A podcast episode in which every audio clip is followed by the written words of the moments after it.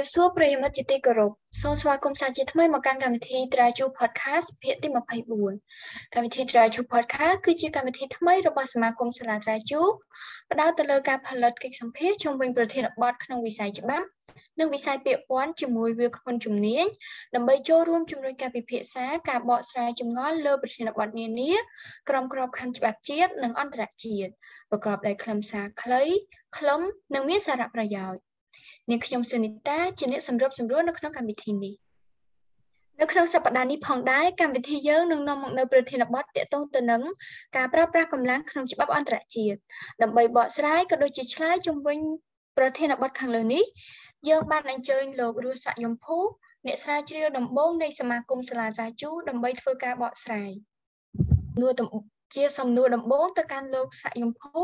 តើអ្វីជាការប្រើប្រាស់កម្លាំងក្នុងរង្វង់នៃច្បាប់អន្តរជាតិបាទសូមអរគុណកញ្ញានីតាសម្រាប់សំណួរនេះជាដំបូងខ្ញុំបានសូមជំរាបសួរទៅដល់ប្រិមិត្តដែលតាមដានស្ដាប់នៅ podcast របស់សមាគមសាលាត្រាជូយើងអញ្ចឹង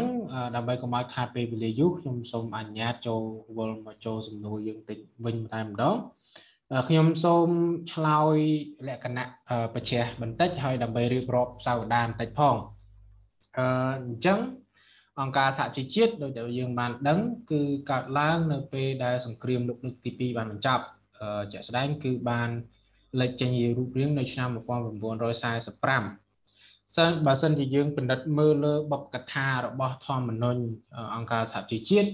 យើងនឹងមើលឃើញអំពីកំណត់បង្ហាញនិងការកត់សម្គាល់អំពីសោកនាដកម្មក៏ដូចជាការបំផ្លិចបំផ្លាញដែលកើតចេញពីសង្គ្រាមអញ្ចឹងហើយដោយសារតែមានកតាពាក់ព័ន្ធជុំវិញអញ្ចឹងហើយបាននៅពេលដែលយើងនឹកឃើញអំពីការថែរក្សាសន្តិភាពនិងការថែរក្សាសន្តិសុខអន្តរជាតិយើងតែងនឹកឃើញអំពីអង្គការសហប្រជាជាតិឲ្យពិសេសបើសិនជាយើងមើលឲ្យឲ្យស្កាន់តែស៊ីជំរឿតែម្ដង មេត្រា1វាជាខណ្ឌមួយរបស់អង្គការសហប្រជាជាតិបានគូសបង្ហាញអំពីកាតព្វកិច្ចនៃអង្គការនេះដើម្បីថែរក្សាសន្តិភាពនិងសន្តិសុខអន្តរជាតិដែលខ្ញុំសូមអនុញ្ញាតបញ្ជាក់ផងដែរថាធម្មនុញ្ញអង្គការសហជីវជាតិគឺជាប្រភពច្បាប់អន្តរជាតិមួយសំខាន់សម្រាប់ការគ្រប់គ្រងនៅរដ្ឋជាសមាជិកផ្សេងផ្សេងក៏ដូចជាតួអង្គនៅក្នុងអន្តរជាតិ បន្ទាប់ពីមាត្រា1ហ្នឹងយើងមើលឃើញនៅក្នុងមាត្រា2វាជាខណ្ឌ4ដែលចូលទៅដល់សំណួរនីតាបានសួរនោះការប្រើប្រាស់កម្លាំងជាអីអញ្ចឹងបើសិនជាយើងពិនិត្យមើលលើមេត្រា2វិជ្ជាខណ្ឌ4អឺបានហាមថាមិនអោយប្រើប្រាស់កម្លាំងទៅកាន់រដ្ឋអធិបតេយ្យមួយទៀតការគម្រាមកំហែងក៏ត្រូវបានហាមដូចគ្នា អញ្ចឹងការប្រើប្រាស់កម្លាំងគឺការជាការប្រើប្រាស់កម្លាំងឈានពានការប្រើប្រាស់កម្លាំងគម្រាមកំហែងដែលជារួមយើងផ្ដោតសំខាន់ទៅលើការប្រើប្រាស់កម្លាំងអាវុធក៏ប៉ុន្តែខ្ញុំនឹងសូមបើកអញ្ញាតបើកវងកញ្ចក់កន្លែងនេះបន្តិចហើយនឹងជំរាបជូននៅបន្តិចទៀតថាដោយសារតែខ្ញុំបានលើកឡើងពីខាងដើមថាអង្គការសហជីវជាតិបានកើតឡើងនៅតាំងពីឆ្នាំ1945ហើយមកដល់ពេលឆ្នាំ2022នេះសកលភាពវូបនីកម្ម ប្រហែលជាផ្លាស់ប្ដូរនៅបរិបទសង្គមបរិបទអន្តរជាតិដែលយើងគួរពិនិត្យទៅមើលទៅលើនិយមន័យការប្រើប្រាស់កម្លាំងអឺឡើងវិញថាអ្វីខ្លះដែលគួរបន្ថែមលើនិយមន័យការប្រើប្រាស់កម្លាំងដោយប្រើអាវុធជាជាបុរាណនិយមន័យបុរាណបែបហ្នឹងឬក៏យើងមានការប្រែប្រួលអីផ្សេងទៀតអញ្ចឹងអានេះជារួមខ្ញុំសូមអនុញ្ញាតជំរាបជូនទៅកញ្ញាតាសម្រាប់សំណួរទី1 ចាក្រោយពីបានដឹងអំពីសាវតាក៏ដូចជាលក្ខខណ្ឌនៃច្បាប់ពាក់ព័ន្ធចំពោះការប្រើប្រាស់កម្លាំងនៅក្នុងរង្វង់ច្បាប់អន្តរជាតិជាសំណួរបន្ទាប់តើការប្រើប្រាស់កម្លាំងអាចធ្វើឡើងបាននៅពេលណាបាទអរគុណនីតាមែនតើទៅសំណួរនេះគឺជាសំណួរដែលសំខាន់ ព្រោះដូចខ្ញុំបានជំរាបជូនពីខាងដើមបើយើងមើលគោលការណ៍ជារួម គឺមាត្រា2វិជ្ជាខណ្ឌ4គឺបានហាមផ្ដាច់មិនឲ្យមានការឈានពានមិនឲ្យមានការប្រើប្រាស់កម្លាំងនោះទេក៏ប៉ុន្តែនៅចំណុចនេះខ្ញុំសូមអនុញ្ញាតលើកយកអញ្ញតកម្ម2ដែលមានចែងនៅក្នុងធម្មនុញ្ញអង្គការសហជីវជាតិយកមកបង្ហាញអញ្ញតកម្មទី1នោះគឺពាក់ព័ន្ធជាមួយនឹងមាត្រា51នៃធម្មនុញ្ញអង្គការសហជីវជាតិអឺ មេត្រានេះបានចែងថារដ្ឋមានសិទ្ធិពីកំណើតកន្លែងនេះគឺជាកន្លែងដែលសំខាន់ដែលយើងគួរគូររំលឹកគឺគាត់មានសិទ្ធិនៅពេលដែលគាត់ជារដ្ឋគាត់មានសិទ្ធិអូតូម៉ាទិកតែម្ដងក្នុងការការពារខ្លួននៅពេលដែលមានការប្រើប្រាស់កម្លាំងមកលើខ្លួនអញ្ចឹងកន្លែងនេះលុះត្រាតែគាត់ជាជនរងគ្រោះទើបគាត់អាចប្រើប្រាស់កម្លាំងការពារខ្លួន អញ្ចឹងកម្លាំងដែលយើងនិយាយកន្លែងនេះគឺជាការប្រើប្រាស់ដើម្បីការពារខ្លួនទេមិនមែនសម្រាប់ការវាលុកទៅដៃគូឬក៏ដើម្បីវាលុកដើម្បីទៅលើរដ្ឋធិបតេយ្យណាមួយទេឧទាហរណ៍យើងបានប្រើប្រាស់កម្ពុជាបានប្រើប្រាស់សិទ្ធិក្នុងការការពារខ្លួននៅពេលដែលយើងមានបញ្ហាព្រំដែននៅនាពេលអតីតកាលហើយអានេះគឺជាអញ្ញតកម្មទី1ដែលដែលខ្ញុំសម្រួលជំរាបជូនសាធារណជនហើយ ផ្អែកទៅលើធម្មនុញ្ញអង្គការសិទ្ធិប្រជាជាតិមាត្រា51អញ្ញតកម្មទី2គឺពាក់ព័ន្ធជាមួយនឹងជំពូក7នៃធម្មនុញ្ញអង្គការសហប្រជាជាតិបើយើងនិយាយឲ្យចំតែម្ដងគឺមាត្រា42មាត្រា42នោះបានអនុញ្ញាតឲ្យក្រមប្រឹក្សាសន្តិសុខអង្គការសហប្រជាជាតិ UNSC នោះគាត់មានសិទ្ធិក្នុងការប្រើប្រាស់កម្លាំងតាមការចាំបាច់បើសិនជាក្នុងករណីដែលការប្រើ ប្រាស់ដោយសន្តិវិធីនោះយើងមិនអាចដោះស្រាយបញ្ហាចេញអញ្ចឹងឧទាហរណ៍ជាក់ស្ដែងដោយការប្រើប្រាស់កម្លាំងរបស់ក្រមរក្សាដោយមានការអនុម័តដោយក្រមរក្សាសន្តិសុខអន្តរជាតិនៅក្នុងសង្គ្រាមអូទីបកូរ៉េនៅនៅកំឡុងឆ្នាំ1950ជាដើមហើយនឹងមានឧទាហរណ៍ផ្សេងទៀតហើយបន្ថែមទៅលើនឹងខ្ញុំក៏សូមជំរាបជូនបន្តិចដែរថាដោយសារតែការមើលឃើញនៃសារៈសំខាន់ ក្នុងការការពារនិងថែរក្សាសន្តិភាពនិងសន្តិសុខអន្តរជាតិសម្បីតែកម្ពុជាយើងខ្លួនតូចមែនប៉ុន្តែមានបេះដូងធំបានបញ្ជូនកងទ័ពមកខៀវដើម្បីចូលរួមជាមួយនឹងបបផហេតុការការពារថែរក្សាសន្តិភាពនិងសន្តិសុខអន្តរជាតិចឹងកន្លែងនេះគឺជាអញ្ញតកម្មពីរធំធំដែលមានចែងនៅក្នុងធម្មនុញ្ញអង្គការសហប្រជាជាតិក៏ប៉ុន្តែបន្តទៅទៀតបើមានឱកាសនៅសំណួរផ្សេងទៀតខាងក្រោយខ្ញុំនឹងជម្រាបជូនអំពី ការព្រោះដោយសារតែមានភាពចម្រូងចម្រាសមួយចំនួនហើយថាតើអញ្ញតកម្មហ្នឹងតើមានលើសពី2ហ្នឹងឬអត់អញ្ចឹងអាហ្នឹងខ្ញុំសូមលើកឡើងនៅនៅសំណួរក្រោយៗទៀតអរគុណច្រើននីតាសម្រាប់សំណួរទី2ចា ជាមួយគ្នានេះដែរនាងខ្ញុំក៏ចង់ដឹងដែរថាតើការប្រើប្រាស់កម្លាំងនៅក្នុងពិភពលោកជាក់ស្ដែងនេះមានលក្ខណៈអ្វីខុសអំពីទ្រឹស្ដីដែរឬទេហើយតើទ្រឹស្ដីនៃការប្រើប្រាស់កម្លាំងមានលក្ខណៈក៏ដូចជាបញ្ហាប្រឈមដោយម្ដេចខ្លះបាទអរគុណច្រើននីតាអឺធម្មតាជាទ្រឹស្ដីអឺស្ដាប់ទៅមានភាពល្អប្រសើរ ក៏ប៉ុន្តែនៅពេលដែលយើងយកមកអនុវត្តអាចមានពេលខ្លះយើងនឹងជួបបញ្ហាប្រឈមហើយដូចគ្នានឹងដែរការប្រើប្រាស់កម្លាំងនៅក្នុងអនុលោម National អន្តរជាតិនេះក៏មានភាពចម្រូងចម្រាសហើយក៏មានការបកស្រាយមិនដូចគ្នាអឺជាពិសេសសម្រាប់ប្រទេសដែលគាត់មានធនធានច្រើន ហើយគាត់មានកម្លាំងប្រដាប់អាវុធខ្លាំងគាត់អឺ មានការបកស្រាយអឺមិនសូវស៊ីគ្នាជាមួយនឹងច្បាប់អន្តរជាតិក៏មានដែរខ្ញុំសូមលើកយកចំណុច4ធំធំមកជំរាបជូនដែលយើងមើលជាក់ស្ដែងទ្រឹស្ដីនៃការប្រើប្រាស់កម្លាំងក្នុងច្បាប់អន្តរជាតិកំពុងតែជួបប្រទេសនៅការប្រឈមហើយកន្លែងនេះខ្ញុំសូមបាំងវងកញ្ចក់ហើយសូមលើកទឹកចិត្តឲ្យអ្នកស្រាវជ្រាវ យើងក្នុងការធ្វើការស្រាវជ្រាវបន្ថែមទៀតហើយក៏ដើម្បីបង្កើននៅពុទ្ធិនិងជាជាចំណេះដឹងថ្មីថ្មីទៀតសម្រាប់ប្រទេសជាតិក្នុងបញ្ហាទ្រឹស្ដីនៃការប្រើប្រាស់កម្លាំងនេះអញ្ចឹងខ្ញុំសូមចូលមកចំណុចទី1តែម្ដងគឺទៅលើការប្រើប្រាស់កម្លាំងដើម្បីក្នុងន័យមនុស្សធម៌ដើម្បីការពារសិទ្ធិមនុស្សឬក៏ដើម្បីការពារប្រជាធិបតេយ្យ កន្លែងនេះមានការចងក្រងជាឯកសារមួយដែលខ្ញុំសូមបកប្រែជាខ្មែរថាការទទួលខុសត្រូវដើម្បីការការពារអាយុជីវិតឬក៏អង់គ្លេសគេហៅថា responsibility to protect ដោយមានរដ្ឋមួយចំនួនគាត់យល់ថាការការប្រើប្រាស់កម្លាំងក្នុងន័យមនុស្សធម៌សិទ្ធិមនុស្សលក្ខណៈហ្នឹងជាការចាំបាច់ប៉ុន្តែកន្លែងនេះខ្ញុំសូមគូសបញ្ជាក់ពីរសំខាន់សំខាន់គឺទី1 ធម្មមនុស្សអង្គការសហជីវជាតិมันមានចែងអំពីអឺការប្រើប្រាស់កម្លាំងអាវុធដោយយោងតាមហេតុផលខាងលើទេទី2ក៏មិនទាន់យើងជាជារដ្ឋមួយมันអាចប្រើប្រាស់សិទ្ធិឯកតោភាគីក្នុងការប្រើប្រាស់នៅហេតុផលខាងលើហ្នឹងដើម្បីទៅឈានពានឬក៏ដើម្បីប្រើប្រាស់កម្លាំងអាវុធនៅប្រទេសមួយទៀត ដោយយោងលើហេតុផលនោះដែរហេតុអីព្រោះបើសិនជា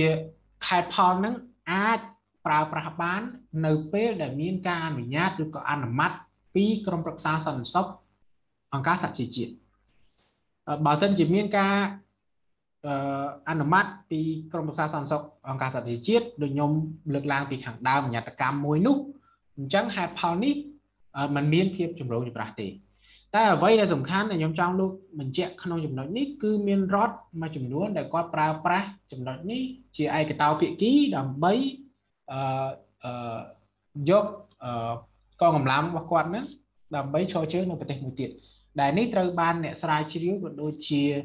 អ្នកប្រាជ្ញច្បាប់អន្តរជាតិមើលឃើញថាជាអំពើដែលរំលោភច្បាប់អន្តរជាតិប៉ុន្តែខ្ញុំ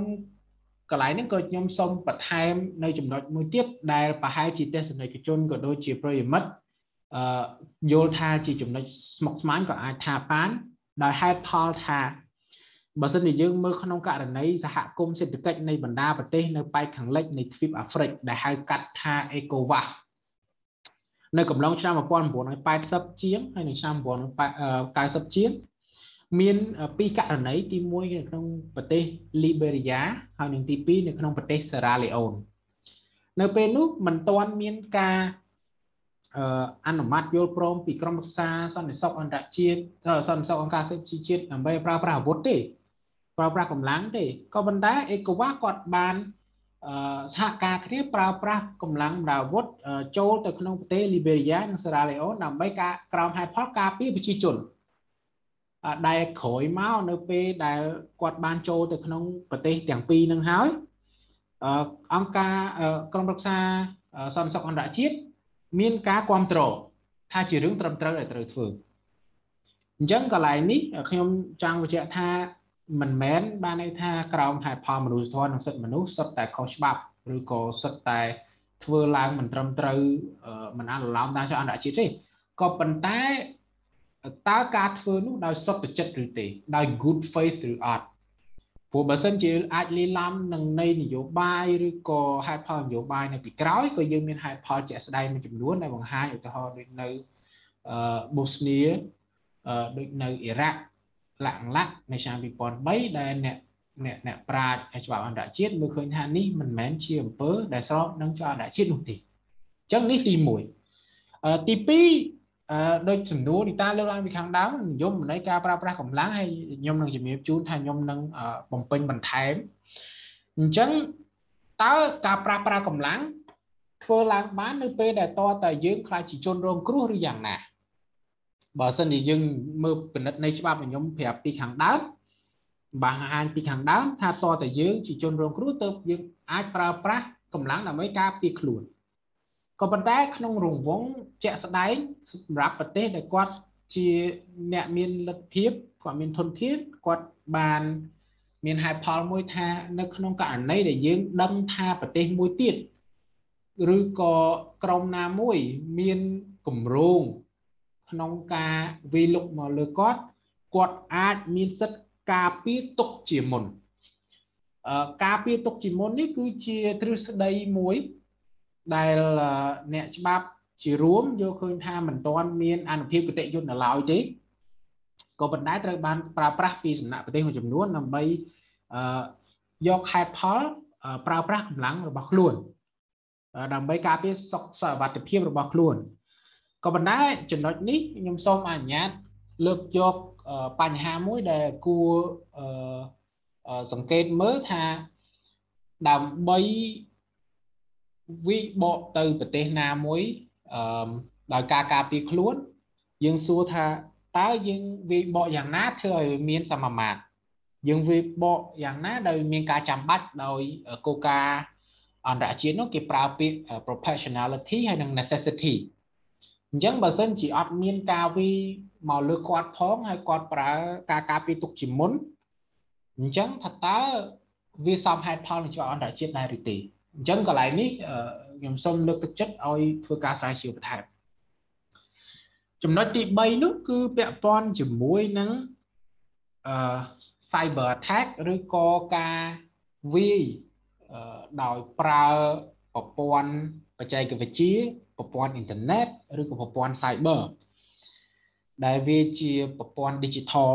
ខ្ញុំសូមអនុញ្ញាតប្រើពាក្យបរទេសអញ្ចឹងចុះ ដែលដែលធ្វើឲ្យប៉ះពាល់ដល់សុវត្ថិភាពហើយនិងសន្តិសុខប្រជាជនឧទាហរណ៍ការផ្ដាច់អគិសនីនៅមន្ទីរពេទ្យដែលដែលអ្នកជំងឺគាត់ត្រូវការអុកស៊ីហ្សែនលាក់លាក់ហើយជាទង្វើរបស់រដ្ឋមួយទៀតដែលធ្វើឡើងដើម្បីប៉ះពាល់ដល់សន្តិសន្តិសុខនិងសន្តិសុវត្ថិភាពរបស់ប្រជាជនប្រទេសមួយទៀតឬក៏ការ hack ចូលទៅក្នុងប្រព័ន្ធអាវុធមហាបល័យហើយធ្វើឲ្យមានសោកនាដកម្ម អញ្ចឹងតើតើនេះចូលក្នុងយមន័យការប្រើប្រាស់កម្លាំងដែរឬទេព្រោះបើសិនជាយើងពិនិត្យមើលនិយមន័យប្រើប្រាស់កម្លាំងជាទ្រឹស្ដីរួមគឺការប្រើប្រាស់កម្លាំងនៅហាក់បីដូចជានៅបែបបុរាណដែលមិនតាន់ក្តោបនៃរួមក៏ប៉ុន្តែក៏នៅតែមានអ្នកប្រាជ្ញមួយចំនួនយល់ឃើញថាអឺការហាមឃាត់មិនឲ្យប្រើប្រាស់កម្លាំងអន្តរជាតិក្នុងមាត្រា2 4ហ្នឹងបាន cover បាន មានវិសាលភាពឲ្យឲ្យតែកម្លាំងនោះប៉ះពាល់ដល់សុវត្ថិភាពឬសុខភាពជាជនហើយបង្កទៅជាសោកនាដកម្មធំទោះបីជាកម្លាំងប្រើអាវុធឬក៏កម្លាំង cyber ក៏ដោយកម្លាំងណាក៏ដោយដែលធ្វើឲ្យមាន impact ឬក៏មានជាអត្តពលបែបនោះ គឺជាការប្រើប្រាស់កម្លាំងហើយដែលដែលដែលរដ្ឋដែលជាជនរងគ្រោះហ្នឹងអាចមានសិទ្ធិក្នុងការវិបកទៅវិញបានអញ្ចឹងកន្លែងនេះក៏នៅតែជាចំណុចប្រផេះមួយដែលយើងមិនទាន់វែកញែកដាច់ស្រេចហើយចុងក្រោយនោះគឺខ្ញុំសូមលើកយកថាពិចារណាដែរថាតើការប្រើប្រាស់កម្លាំងរបស់រដ្ឋអាចប្រើប្រាស់តែនៅលើរដ្ឋឬក៏ប្រើប្រាស់លើតួអង្គមិនមែនរដ្ឋបានដូចគ្នាព្រោះបើសិនជាយើងមើលជារួមយើងយើងនិយាយនេះគឺយើងនិយាយក្នុងក្របខ័ណ្ឌរដ្ឋរដ្ឋ ប៉ុន្តែក៏មានឧទាហរណ៍សេចក្តីសម្រេចរបស់អង្គការក្រមរក្សាសន្តិសុខអង្គការសហជីវជាតិលេខ1378ឆ្នាំ2001បានអឺឲ្យអំណាចទៅរដ្ឋថារដ្ឋមានសិទ្ធិក្នុងការចាត់វិធានការចាំបាច់ដើម្បីទប់ស្កាត់អំពើភេរវកម្មដើម្បីទប់ស្កាត់ភេរវកម្មហើយអឺអញ្ចឹងយើងយើងពិចារណាបន្តិចថាអញ្ចឹងរដ្ឋដើម្បីទប់ស្កាត់ ភេរវកម្មគាត់មានសិទ្ធិក្នុងការប្រើប្រាស់កម្លាំងហើយចុះឧទាហរណ៍បើសិនជាគាត់បកស្រាយក្នុងថាគាត់យល់ថាប្រទេសគាត់កំពុងតែរងភេរវកម្មហើយគាត់កាប្រើប្រាស់សិទ្ធិការពារទុកជាមុនអត់តមានអំពើភេរវកម្មទេប៉ុន្តែគាត់យល់ថាក្រុមហ្នឹងនឹងវីមកប្រទេសគាត់តែគាត់ទៅវាយក្រុមហ្នឹងមុនហើយបើសិនជាក្រុមហ្នឹងស្ថិតនៅក្នុងប្រទេសមួយទៀត អញ្ចឹងថាតើបើសិនជាគាត់ទៅវាយក្រុមហ្នឹងទៅដល់ប្រទេសមួយផ្សេងទៀតថាតើគាត់នឹងប៉ះពាល់សិទ្ធិអធិបតេយ្យភាពរដ្ឋនោះឬអត់តើតើគាត់ប្រើប្រាស់ការប្រើប្រាស់កម្លាំងរបស់គាត់នឹងហួសព្រំដែនកំណត់ដោយចអន្តរជាតិឬអត់អឺខ្ញុំសូមជំរាបជូនថាខ្ញុំអត់មានចម្លើយទាំងស្រុងជូនទៅដល់ប្រិយមិត្តដែលតាមដានស្ដាប់ទេប៉ុន្តែខ្ញុំ ចង់លើកជាពតិនិងកតិមួយចំនួនដើម្បីជួយគិតគ្នាហើយជួយស្រាវជ្រាវថាបញ្ហាប្រើប្រាស់កម្លាំងនេះគឺជាបញ្ហាដែលចម្រូងចម្រាសថ្មីផ្ដិតថ្មីផ្ដិតដែលមានបទបញ្ញត្តិការហាមឃាត់ដើម្បីរក្សានៅសន្តិភាពនិងសន្តិសុខអន្តរជាតិថ្មីបិទដែលយើងមានអញ្ញតកម្ម2សំខាន់សំខាន់ក៏ប៉ុន្តែជាក់ស្ដែងខ្ញុំចង់ជំរាបជូនថា រដ្ឋដែលគាត់មានលទ្ធភាពគាត់អាចបកស្រាយផ្សេងពីពីច្បាប់កំណត់ហើយក្រោមហេតុផលនោះអឺវាធ្វើឲ្យមាន ភាពមិនចុះសម្រុងគ្នា ជាពិសេសធ្វើឲ្យមានភាពចម្រុងចម្រាស់ហើយនឹងភាពប្រសើរនៅជុំវិញប្រធានបទនេះអញ្ចឹងនឹងជារួមខ្ញុំសូមជំរាបជូនអឺជាចុងបញ្ចប់សម្រាប់នីតាតាមសំណួរទី3នេះអរសូមអរគុណ ចាក្រោយពីបានទទួលការបកស្រាយរួចមកនាងខ្ញុំសូមអរគុណដល់លោករស័កយមភូដែលបានចំណាយពេលវេលាចូលរួមជាវាគ្មិនក្នុងកម្មវិធី Traju Podcast សម្រាប់ប្រធានបទស្ដីអំពីការប្រើប្រាស់កម្លាំងក្នុងច្បាប់អន្តរជាតិនេះជាចុងបញ្ចប់សូមគោរពអរគុណប្រិយមិត្តចាស់ថ្មី ដែលបានបន្តគ្រប់គ្រងនៅកម្មវិធី Traju Podcast ហើយដោយសារពេលវេលាមានកំណត់ ក្រុមការងារនិងវាគ្មិនកិត្តិយសសូមគោរពលានិងសន្យាវិលមកវិញជាមួយវិធានបទសំខាន់ៗនាសប្តាហ៍ក្រោយទៀតសូមអរគុណ thank you